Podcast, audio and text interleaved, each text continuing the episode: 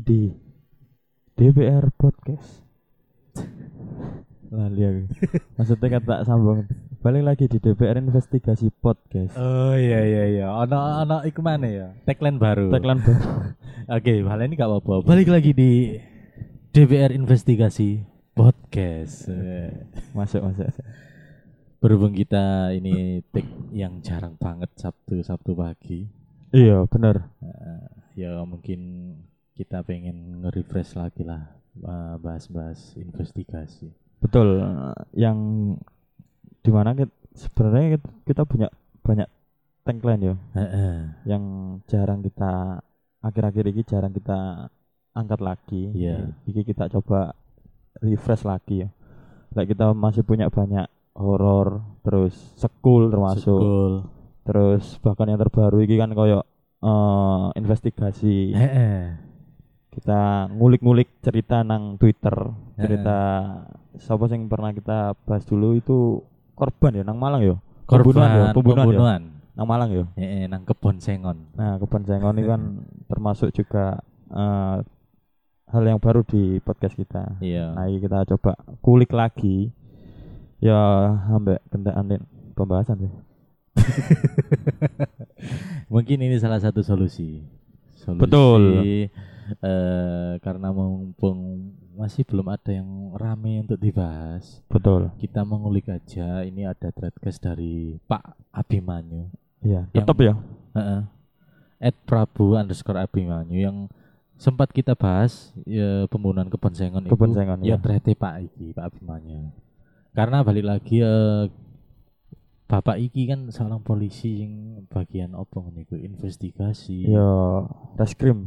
ibaratnya kayak detektif Conan Betul, Indonesia kepolisian. Heeh. cuman baru kali ini aku ngerti nek polisi ku iso gawe thread seapi iki makanya kita angkat lagi Sebenarnya setiap polisi sok saja nih. sajane Kaya katakanlah semisal kasat reskrim entah iku ngerebek sebuah kembang narkoba apa Eh. anu-anu asal sebenarnya isok kan kawe kan. iya Cuma nggak kebanyakan polisi ku punya pikiran yang kreatif, punya pikiran yang mau menulis, itu kan jarang. Iya, katanya mana mungkin ada kasus-kasus yang mungkin ditutupi jika Betul. sampai, eh apa ya merantak nang lian-liane. Iya. Nah, kali ini ada judul apa ini? Kali ini ada judul menarik, yo iki mayat lagi, lagi-lagi soal pembunuhan kaya iki. pembunuhan. Oke, judulnya misteri mayat pria di jalan tol. Di garis bawah ini investigasi serius ya. Tadi ikut posisi serius. Cek, cuma sing tak takokno nang kene iki kok gak ono ya. Oh, Pak Abimanyu iki mbuh nulis terkait sapa matine sing dipateni Sambo dan kawan-kawan. mungkin ono deh pikiran gawe nulis iku mang. Cuma Cuman kan odi paling ya. ya wedi lah bro, saiki kan konco dhewe. Ibaratnya kan ya iku Iya. lah wedi lah ya. Oke, langsung saja kita baca. Iya. Eh, hari ini, hari itu Jumat pukul setengah tiga pagi. Saya bersiap pulang ke rumah setelah menyelesaikan gelar perkara di kantor bersama anggota. Tak lazim memang pulang saat dini hari, tapi beberapa perkara kadang menuntut analisa dan tindak lanjut yang segera. Setelah selesai semua pekerjaan, saya lanjut saya lajukan kendaraan ke arah rumah untuk istirahat. Kalau dini hari seperti ini, saya hanya membutuhkan waktu 15 15 menit untuk sampai di rumah. Sampainya di rumah, langsung saja saya berganti baju dan merebahkan badan untuk istirahat. Saya harus tidur cepat malam ini. Jam 7 nanti saya harus memimpin lomba olah TKP di Polda dalam rangka Hari Bayangkara. Selamat ulang tahun Bayangkara semua. Sebenarnya materi lomba itu bukanlah yang menjadi masalah utama, tapi harus bangun pagi itu sendiri sudah menjadi momok bagi saya. Pukul 3.15, mata saya tak juga terpejam. Saya kembali nyalakan HP, membuka Spotify dan mendengarkan podcast Malam Kelipon. Kenapa Anda tidak mendengarkan podcast Iya. kita? Eh, untuk Pak Abimanyu Ayolah kalau merefresh pikiran itu mendengarkan DPR podcast saja, Pak. Betul. Ada di episode berapa bor sing kene bahas soal saya ngono kabar iku Seratus sebelasan woy. Belasan, seratus sebelasan. bisa didengarkan Pak Bimanyu mungkin Iya. ada yang aduh Ada yang mungkin luput kita. iya luput kita untuk menceritakan atau mereview Nek gak salah ikut dua episode itu. betul itu dua episode dawa soalnya koyo Tahu banget. lanjut buat saya mendengarkan podcast saat akan tidur adalah obat yang sangat manjur untuk membuat saya lekas terlelap berarti ya podcastnya gak menarik oke konco turut dok Bener.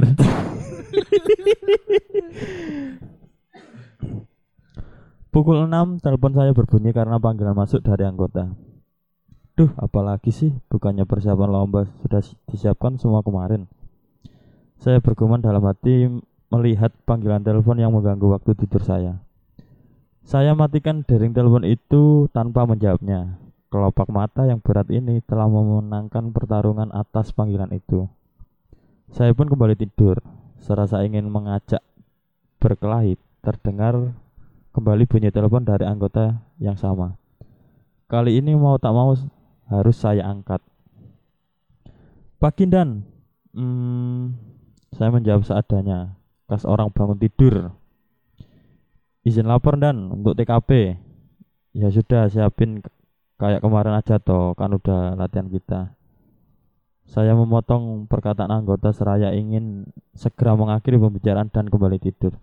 Hmm, bukan lomba olah TKP dan tapi ada TKP.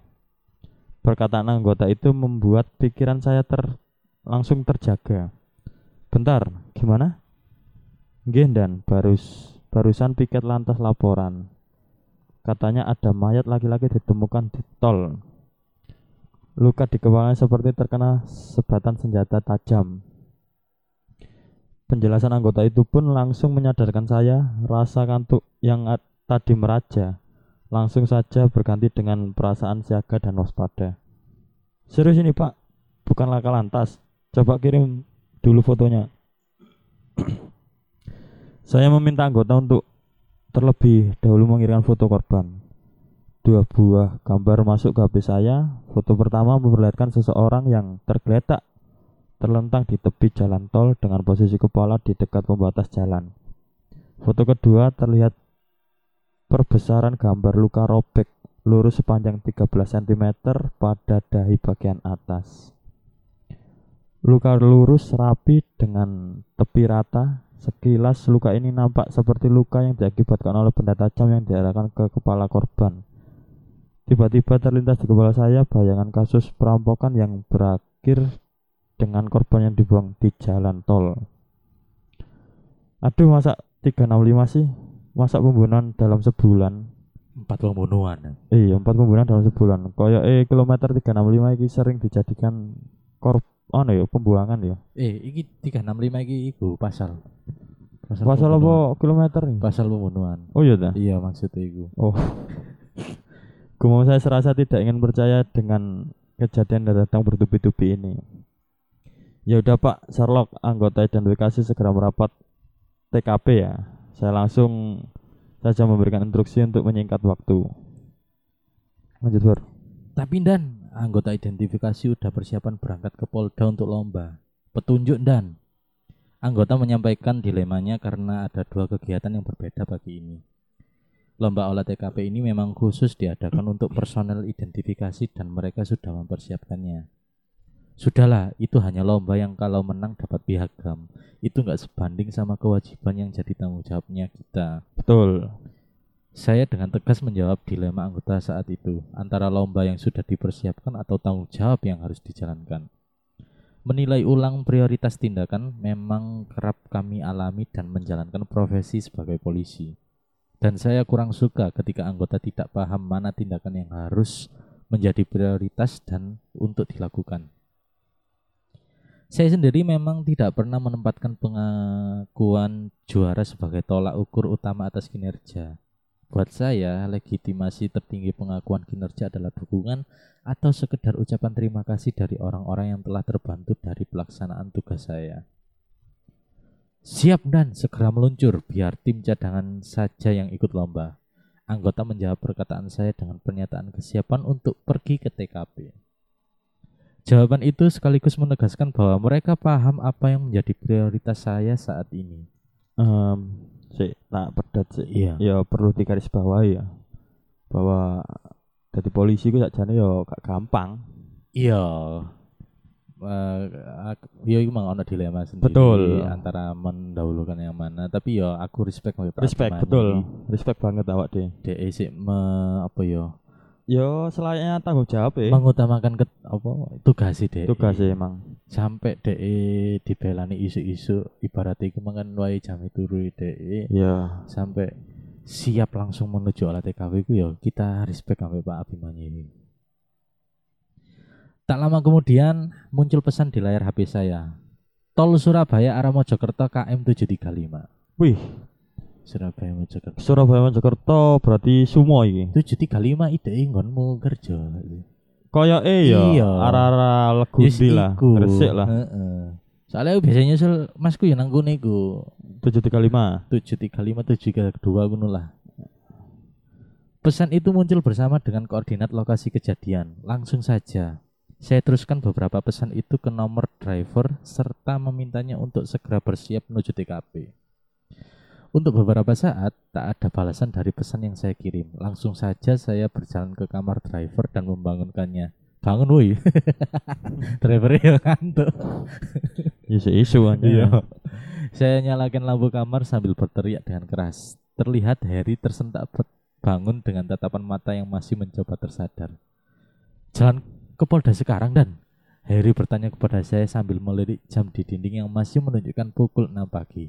Bukan, ayo jalan ke TKP. Itu ke Sherlock. Lah, masa pembunuhan lagi dan saya pun meninggalkan Harry tanpa menjawab dan segera bergegas mandi. Persiapan selesai pukul 6.45. Saya segera bergerak menuju TKP sesuai dengan patokan yang diberikan anggota. KM 735 arah Mojokerto ya, Her. Masuk tol aja nanti tinggal muter di simpang tol Waru arah Mojokerto. Cari aja yang rame-rame di pinggir jalan, jelas saya ke Heri. Kami lanjutkan kendaraan dengan kecepatan maksimal dengan harapan semakin cepat kami sampai di TKP dan segera mendapatkan petunjuk tapi sesampainya di KM 735, kami terheran-heran dengan yang kami lihat. Kosong. Tidak ada petugas atau TKP yang terpolis lain. Saya dalam arti bertanya kebingungan. Apa jangan-jangan olah TKP sudah selesai? Kenapa anggota tidak mengonfirmasi ke saya kalau olah TKP sudah selesai? Saya langsung menelpon anggota yang menginformasikan kejadian penemuan mayat ini kepada saya. Saya sudah di KM 735 ini, kok nggak ada orang pak? Sudah selesai, saya bertanya dengan nada agak meninggi. Ini masih olah TKP kok dan di KM 744. Jawaban anggota itu memperjelas kebingungan saya sekaligus membuat saya naik beat. Tadi katanya 735, kenapa jadi 744? Siap jalan dan tadi sepertinya salah ketik. ya iki lho lho. Gocek sih. Kocak iya. Anggota menjawab dengan bingung merespon kesalahan yang dilakukan. Saya pun benar-benar merasa kesal saat karena perjalanan yang saya tempuh harus lebih lama dari yang seharusnya. Gimana sih kalau kayak gini kan saya harus muter jauh, Pak.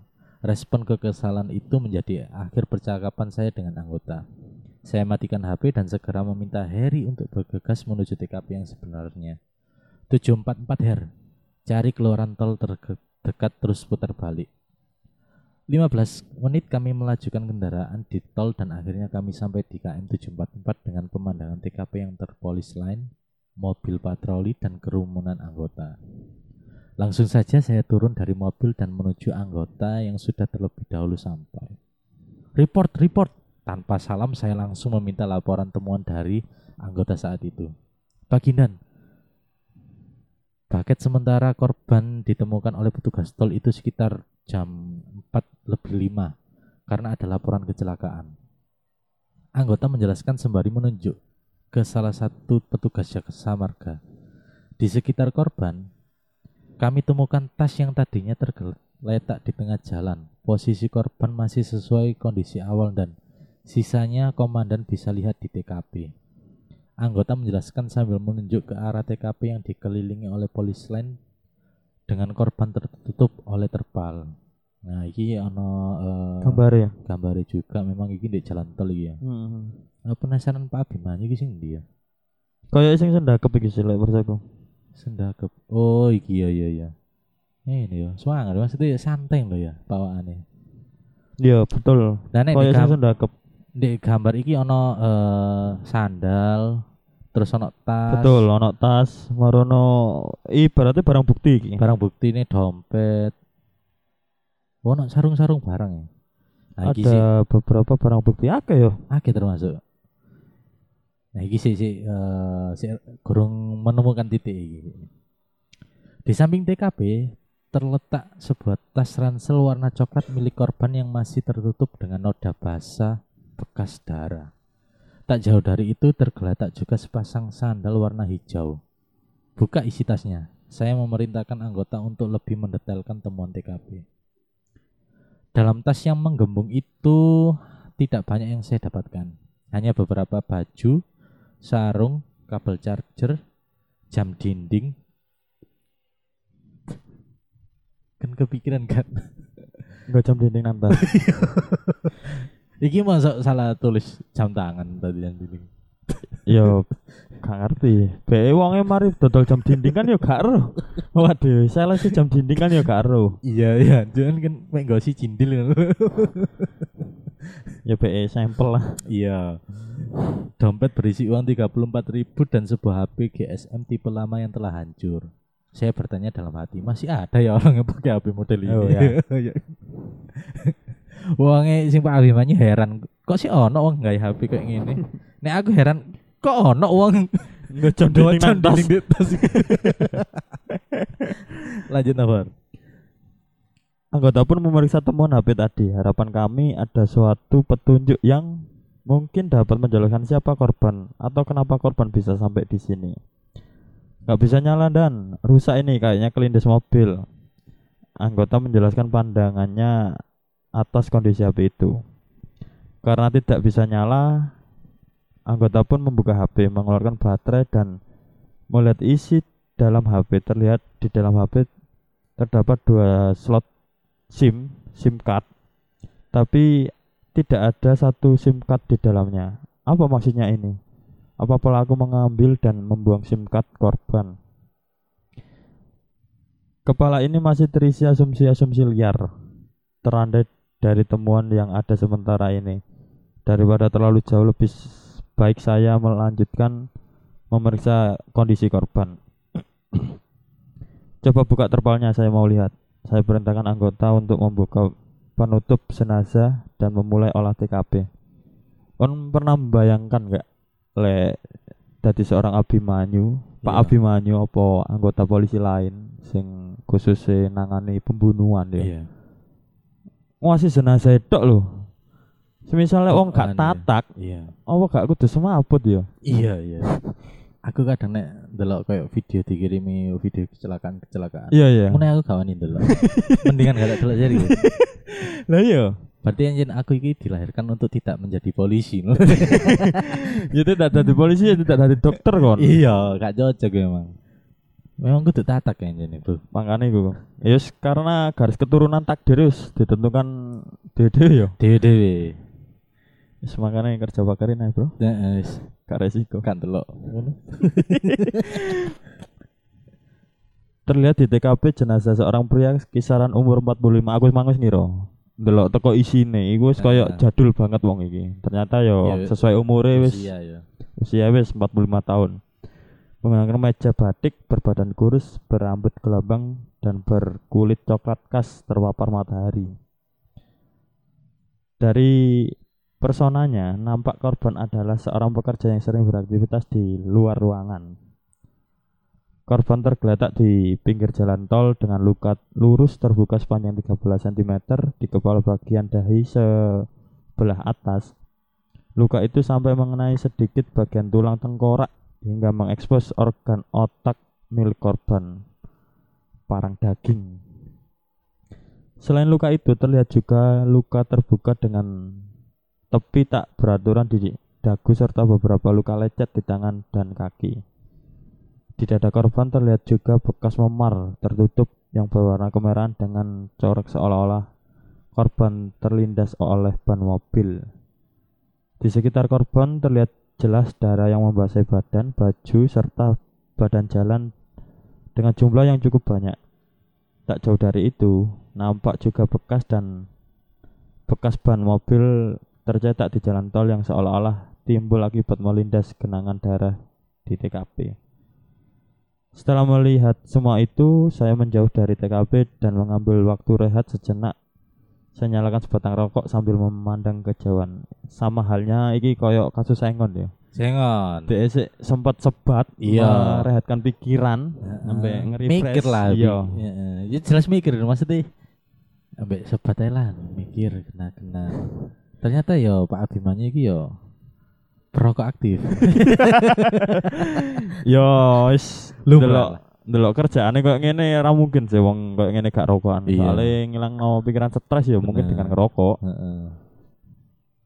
mengambil jarak, melebarkan pandangan sembari memberikan detail-detail kecil yang mungkin saja terlewatkan. Saya amati sekeliling TKP, jalan tol ini memiliki letak kurang lebih 8 meter lebih tinggi dari tanah di sisi kanan kirinya. Dengan sudut elevasi naik sekitar 60 derajat, saya rasa tidak mungkin korban datang di sisi jalan tol. Apalagi tidak ada bekas jalan setapak untuk dilalui. Yo, gak mungkin sih, wong mati Cukur bro, 8 meter ya. Orang meter ya. Ya ora mungkin ya lek emang DE eh aku tak bunuh diri nang tol tak munggah sik. Ya ora mungkin. Gak mungkin. Sing gak mungkin iku nggawa jam dinding emang. kan sik kan sik pikiran terbolong gak mbek jam dinding. Asli. Kayak gak masuk akal ya. Gak akan nggawa jam dinding telepon atas iku. Dengan kontur tanah di sisi jalan tol seperti ini, saya rasa mustahil korban sampai di TKP dengan berjalan kaki. Benar. Anda saja di tepi jalan ini landai, bisa saja ada kemungkinan korban berlari dikejar orang lain lalu dianiaya dan Meninggal. meninggal di tepi jalan tol. Tapi elevasinya terlalu tinggi. Imajinasi saya pun terbang ke kemungkinan penganiayaan di dalam kendaraan yang dilakukan oleh orang yang berada di samping korban saat itu. Korban berkendara bersama pelaku dianiaya, dilukai kepalanya menggunakan parang lalu dibuang di jalan tol. Iki sing paling masuk akal ya. Heeh. Tapi kalaupun benar begitu kejadiannya, lantas apa hubungannya antara korban dan pelaku? Jika saja parang pemotong daging adalah benar alat yang di luka di kepala itu, apa kejadian ini ada kaitannya dengan perselisihan jual beli hewan korban? Mung- Oh, iki si ide-ide korban. Oh, itulah Tuhan. Itulah. Ya iku tuh mikir ngono lho, Bro. Iya, ini, iya. Bro. Yo, lebih tepatnya ngejuk sih, Bang. ah, saat ini semua masih pada taraf kemungkinan. Setidaknya ada dua hal yang masih mengganjal di kepala saya saat ini. Jika saja korban dibunuh terlebih dahulu, baru dibuang. Tentunya di dada korban tidak ada bekas memar kemerahan khas akibat dari benturan saat korban masih hidup. Hmm. Kedua tentang luka robek tepi rata sepanjang 13 cm di dahi korban. Luka terbuka yang menembus sampai ke otak ini pasti dihasilkan oleh benturan yang cukup keras. Jika perbuatan itu dilakukan di dalam mobil, saya rasa jarak ancang-ancang untuk mengayunkan parang tidak akan cukup. Eh, masuk akal sih. Soalnya sempit kan. Soalnya sempit, Iya. kecuali lah Alphard Ah, nggak sing atau apa? pickup iya, pickup atau trek, trek nang bak. Lek nang bak iku iso dan ketutupan kan. ketutupan jelas. betul. Iya, iya, Iku iya. sih masuk akal. Ngalang kali polisi cuk identifikasi Iya. Sudah dapat ini identifikasinya dan teriak anggota seketika memboyakan lamunan saya. Anggota menyampaikan kalau korban bernama Rois. Rois ini oh no nanggenku bagian nyurung-nyurung. Pria 48 tahun beramatan di Sampang Madura. Sampang Madura. Lalu bagaimana ceritanya dia bisa sampai di sini? Lanjut ya. Iya. Ada agent siapa di Sampang, wes? Setakat agent nih. Saya menanyakan kepada anggota apakah ada member paguyuban yang beroperasi di Sampang, sebuah kabupaten yang berjarak 3 jam dari TKP. Sebentar, saya cek dan. Salah satu anggota menjawab pertanyaan saya dengan penuh keyakinan.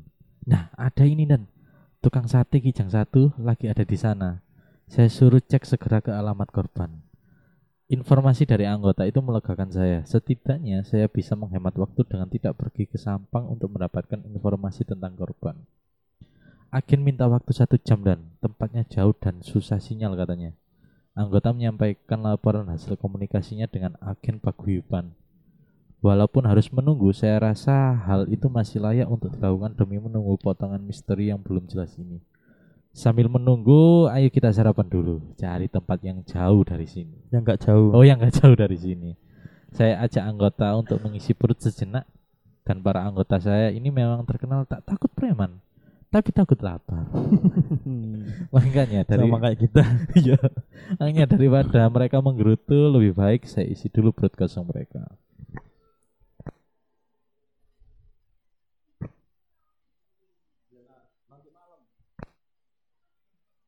Ayo lanjut. Saya arahkan perjalanan ke Soto Kedai Taman, sebuah warung soto kudus di daerah Gayungan yang punya memori tersendiri untuk saya. Di tengah menjamurnya soto Lamongan dan soto Madura di Jawa Timur, cita rasa soto kudus cukup membantu mengobati kerinduan saya akan rumah. Kami tempati dua meja di bawah pohon rindang di halaman, sembari makan, kami mulai membahas pengandai-andaian peristiwa yang mungkin terjadi pada korban. Dan mungkin nggak korban dibunuh di tempat lain lalu sengaja dibuang di tol. Salah satu anggota melempar pertanyaan. Gak mungkin le, kalau saja dibunuh di tempat lain darahnya nggak akan sebanyak itulah. Proses pemompaan darah kan sudah berhenti. Biologimu dapat berapa sih?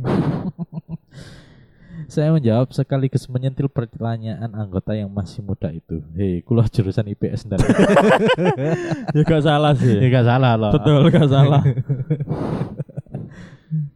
Tawa anggota pecah seketika di meja itu. Semua anggota mengecek pertanyaan anggota muda itu sembari tertawa. Anggota pun melanjutkan bercengkrama sampai amat menyetop pembicaraan kami. Nah, ini agen yang ngabarin ini, Bang. Saya angkat dulu. Gimana, Cong? Ada kabar apa? Amat bercan- bertanya pada agen sate kijang satu via telepon. Jadi betul dia warga sini dan cuma dua tahun ini sudah tinggal di Sidoarjo. Saudaranya nggak ada yang tahu. Jawaban pedagang sate melalui telepon berpengeras itu terdengar jelas oleh kami. Semua anggota masih terdiam berpikir, mengolah informasi yang kami dengarkan bersama saat itu. Telepon yang kami nanti dan harapkan bisa menjadi pembuka-pembuka penyelidikan kejadian.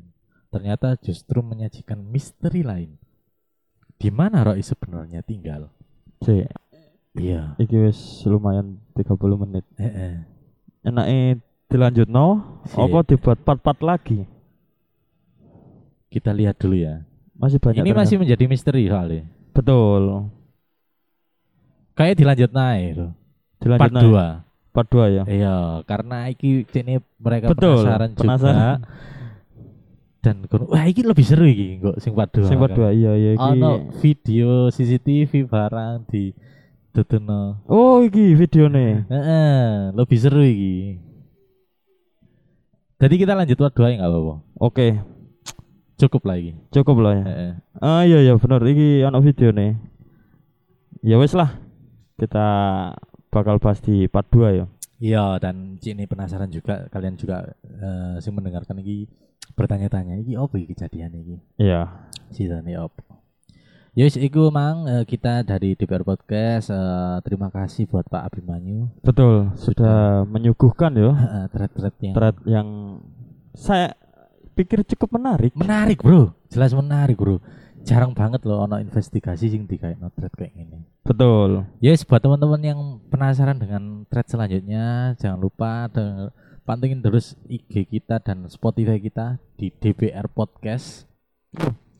Jangan lupa juga buat teman-teman follow juga kalau misalnya penasaran dengan eh, threadnya Pak Abimanyu at Prabu underscore Abimanyu. Oke. Nah, Yes, kita akhiri aja episode kali ini. Saya Riset.